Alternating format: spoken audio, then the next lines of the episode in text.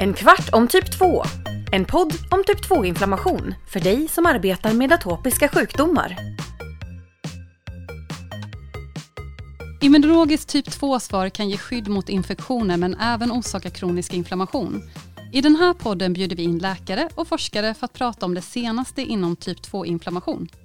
Välkomna till det tredje avsnittet av En kvart om typ 2 med mig, Kristina Hermanrud och Anna Reimers. Och vi arbetar som medicinska rådgivare på Sanofi Genzyme. Idag ska vi diskutera astma och typ 2-inflammation och en klinisk observationsstudie som beskriver hur man med hjälp av ett urinprov kan identifiera vilken typ av astma som en patient har. Och denna artikeln publicerades i början på året i American Journal of Respiratory and Critical Care Medicine och första namn på artikeln det är Johan Kolmert. En länk till artikeln den finner ni vid infotexten till denna podcast. Idag är vi mycket glada att gästas av Sven-Erik Dahlén som har varit med och drivit denna studien tillsammans med kollegan Craig Wheelock. Sven-Erik är professor inom experimentell astma och allergiforskning på Karolinska institutet och hans grupp forskar kring de olika mekanismer och molekyler som orsakar sammandragningar och överkänslighet i luftvägarna hos astmatiker. Och på så vis så arbetar det kring att förbättra diagnostik och behandling mot astma och andra inflammatoriska luftvägssjukdomar. Varmt välkommen Sven-Erik och stort tack för att du är med oss i en kvart om typ 2. Sven-Erik, hur definieras typ 2-astma och vad innebär typ 2-astma för patienten respektive läkaren? Tack! Ja, det är faktiskt en stor och viktig fråga som jag tycker eh, visar hur vår kunskap om astma har mognat. Eh, förut pratade vi bara om astma som en sjukdom. Eh, idag så ligger ju forskningsfronten och den kliniska fronten vad gäller att hitta orsaker till astma just i det faktum att vi måste skilja ur vilken typ av astma man har. Eh, för diabetes är det helt självklart att man har typ 1-diabetes, typ 2-diabetes och de eh, har olika uttryck och behandlas på olika sätt. Eh, för astma så vet vi nu lite mer om vad som är typ 2-astma.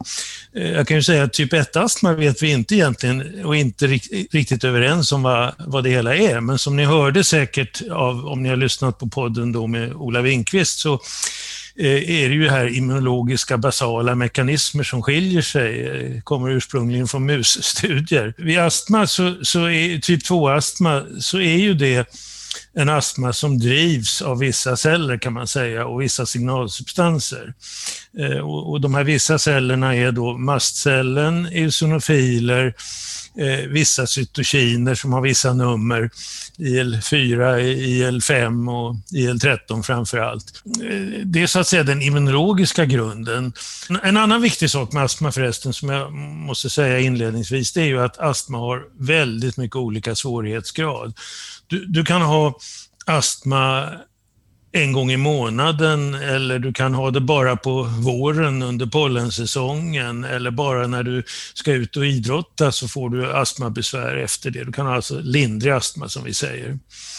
Eh, Sen kan det bli svårare och svårare och de värsta formerna av astman, den svåra astman, som jag och mina medarbetare har ägnat oss åt i 30 års tid nu, den är så svår att man är jättehandikappad. Man eh, har jättemycket sjukfrånvaro, man har ökad risk faktiskt för död. Och där räcker inte den vanliga behandlingen, för man kan säga att vanlig, lindrigare, medelsvår typ 2-astma. Det var så man upptäckte lite signalerna för typ 2-astma. Det behandlar man med vanliga inhalationssteroider och det går jättebra. Men när den är svårare, då krävs det andra eh, mediciner förutom eh, inhalationssteroider.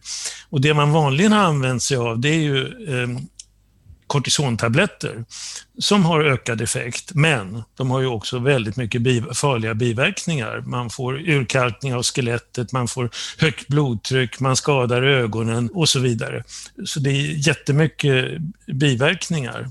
Eh, nu har det ju under den senaste tioårsperioden genom samarbete mellan forskare och industri kommit fram flera olika läkemedel som kan behandla typ 2-astma och därför har behovet av att eh, diagnostisera senare det här blivit ännu större. Så att man kanske inte använder ordet typ 2-astma så mycket när man pratar med patienten, utan man pratar mer om att det finns astma av olika typ.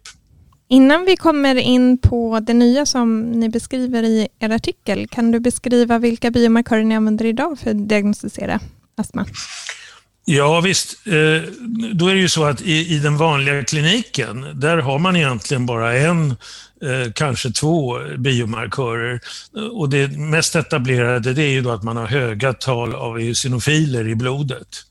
Och det är det, det man eh, går efter. Sen vet vi då i forskningen och i, i forskningsstudier att utandad kväveoxid, eh, NO som det heter, eh, är också ökat parallellt med att man har de här ökade eosinofiltalen. Och, och eh, det forskas mycket på nu att man kanske skulle kunna få ännu bättre styrning än med blodeosinofiler om man kan mäta utandat NO på ett mer precist sätt och det pågår många sådana projekt. Men ska man vara riktigt ärlig så i vanlig vanlig klinik så är det blodeosinofiler eh, som man mäter. I forskningsstudier kan man sedan mäta en rad andra molekyler som också eh, är ökade och man kan göra såna här upphostningsprover och, och mäta både eosinofiler och andra molekyler där. Men, men där är vi inte ännu, utan det finns ett stort behov då att hitta enklare diagnosmetoder som kan appliceras bredare, så att man till exempel skulle kunna screena tidigare vilka som har en väldigt stark typ 2-profil och ifall de inte är då kontrollerade med inhalationssteroider så skulle man kunna eh, kanske tidigare börja eh, göra prov med, med såna här nya läkemedelsgrupper som finns. Mm. Och det leder ju oss in till din artikel. För du har ju tillsammans med dina kollegor gjort en viktig upptäckt där ni ser att höga nivåer metaboliter i urinen kan bidra till just en korrekt astmadiagnos och även svårighetsgrad. Jag tänkte du kanske kan berätta lite mer om er studie. Ja, det, det, kan jag göra. Det är ju som, eh, du, du, själv har ju en forskarbakgrund och vet ju att eh, forskning tar ganska lång tid. Och egentligen går ju det här tillbaka till 1990-talet när en av mina doktorander, Maria Kumlin, eh, som nu är professor på Sofiahemmet, när hon kunde visa för första gången att de här leukotrienerna, som driver eh, mycket av inflammation i luftrören och som jag själv gjorde min avhandling på och som Bengt Samuelsson fick eh, Nobelpriset för 1982, att man kunde mäta dem i urinen och då började vi göra det och andra grupper också.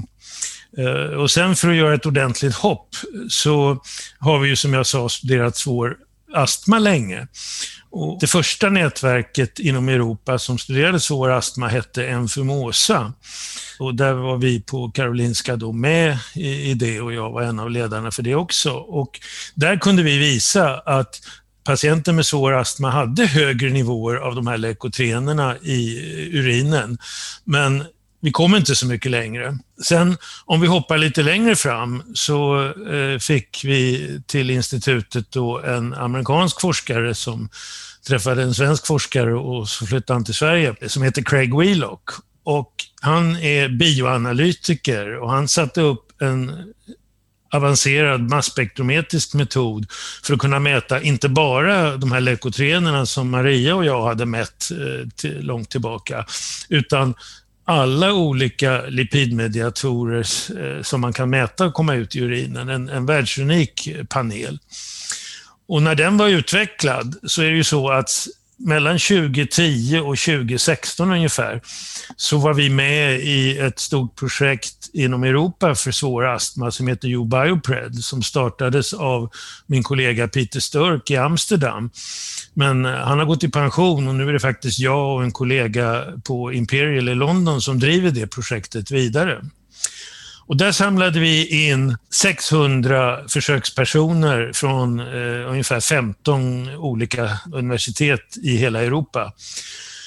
Och huvuddelen, 400, hade svår astma.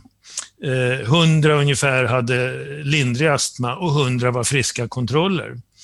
Och sen undersökte vi alla möjliga olika astmayttringar på, på de här eh, personerna, alltså symptom och objektiva markörer. Och så samlade vi prover för att kunna mäta olika signalmolekyler i blod, i upphostningsprover på alla möjliga ställen, men också i urin. Och det var ju just för att vi hade den här metoden som vi gjorde det. Och i den här panelen vi har så såg vi genast att de allra flesta sådana här lipidmediatorer var högre hos de som hade svårare astma än de som hade mildare astma. Och i sin tur eh, högre i mild astma än vid när man var frisk.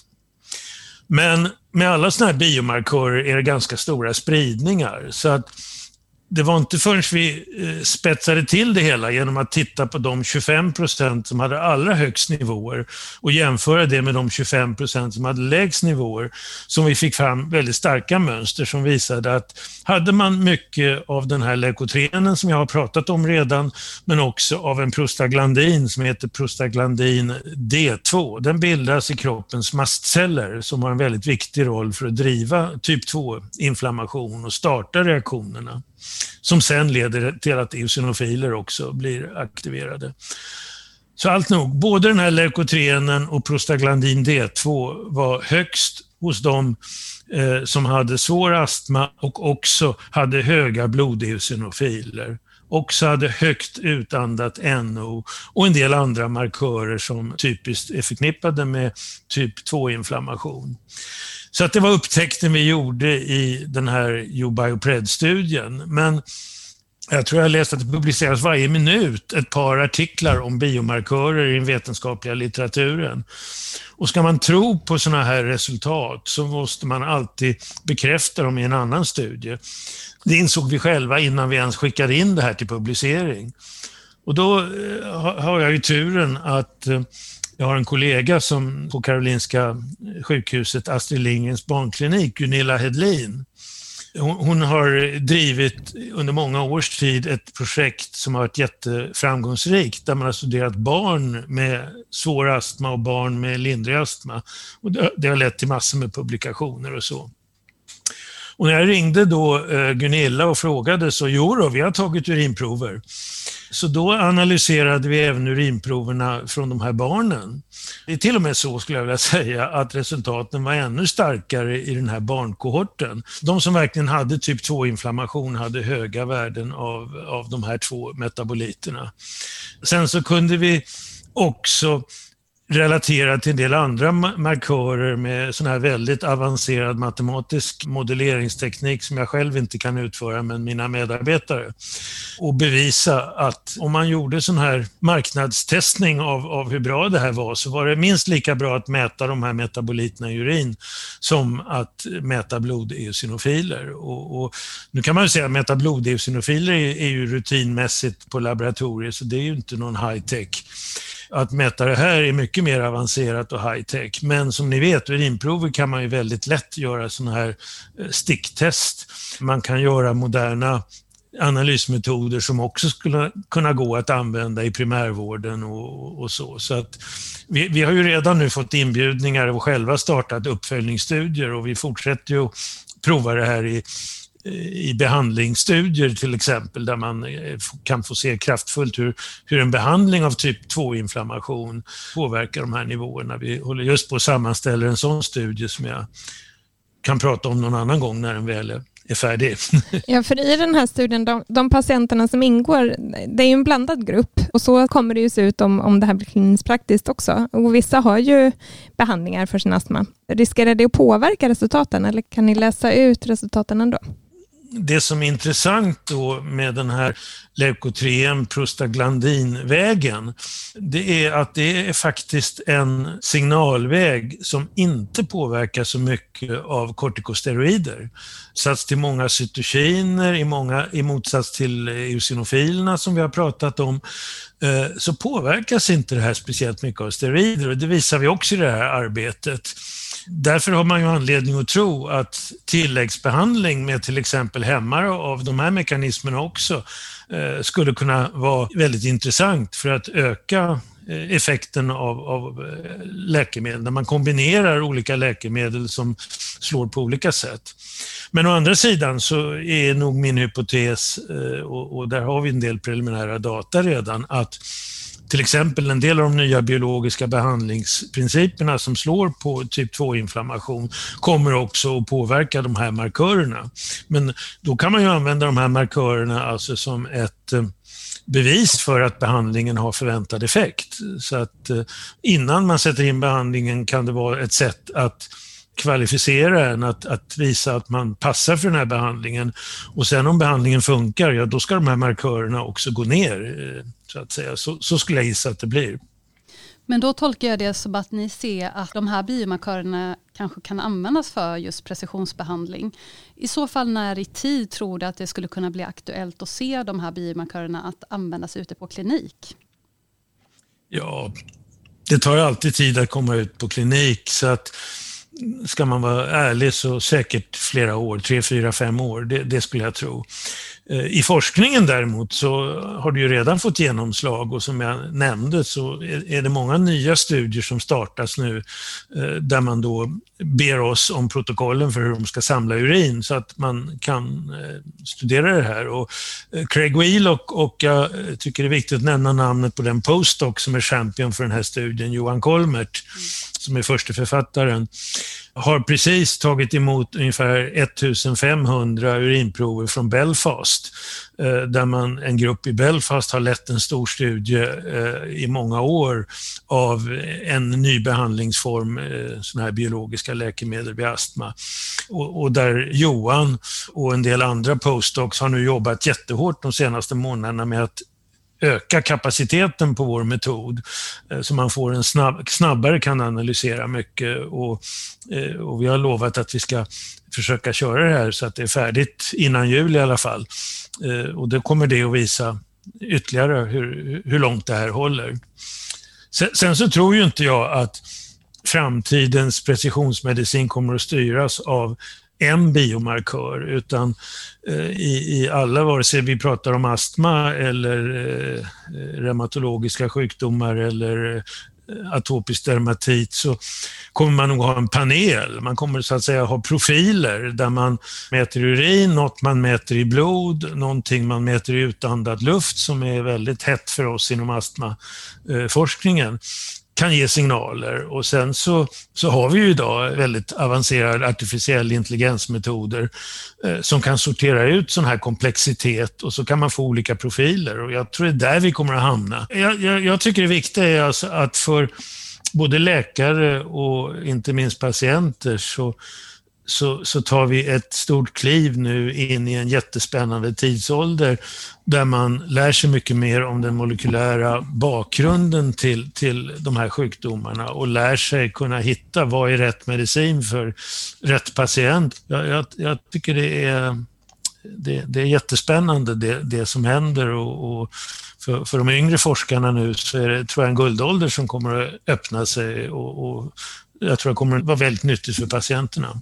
Stort tack Sven-Erik för ett jättespännande samtal. Om du som lyssnar önskar att återkoppla till oss då hör du av dig till en kvart om typ 2 sanofi.com. Och denna e-mail den fick länkad vid infotexten till denna podcasten. Ett tips så du inte missar några av våra avsnitt är att du prenumererar på vår podcast och så får du notis när nya avsnitt blir klara. Och I nästa poddavsnitt har vi med oss dermatolog Andreas Sonesson och då ska vi diskutera atopisk dermatit ur ett kliniskt perspektiv. Tack så mycket för att ni lyssnade in och på återhörande. Du har lyssnat på En kvart om typ 2, en podd om typ 2-inflammation som produceras av Sanofi Genzyme.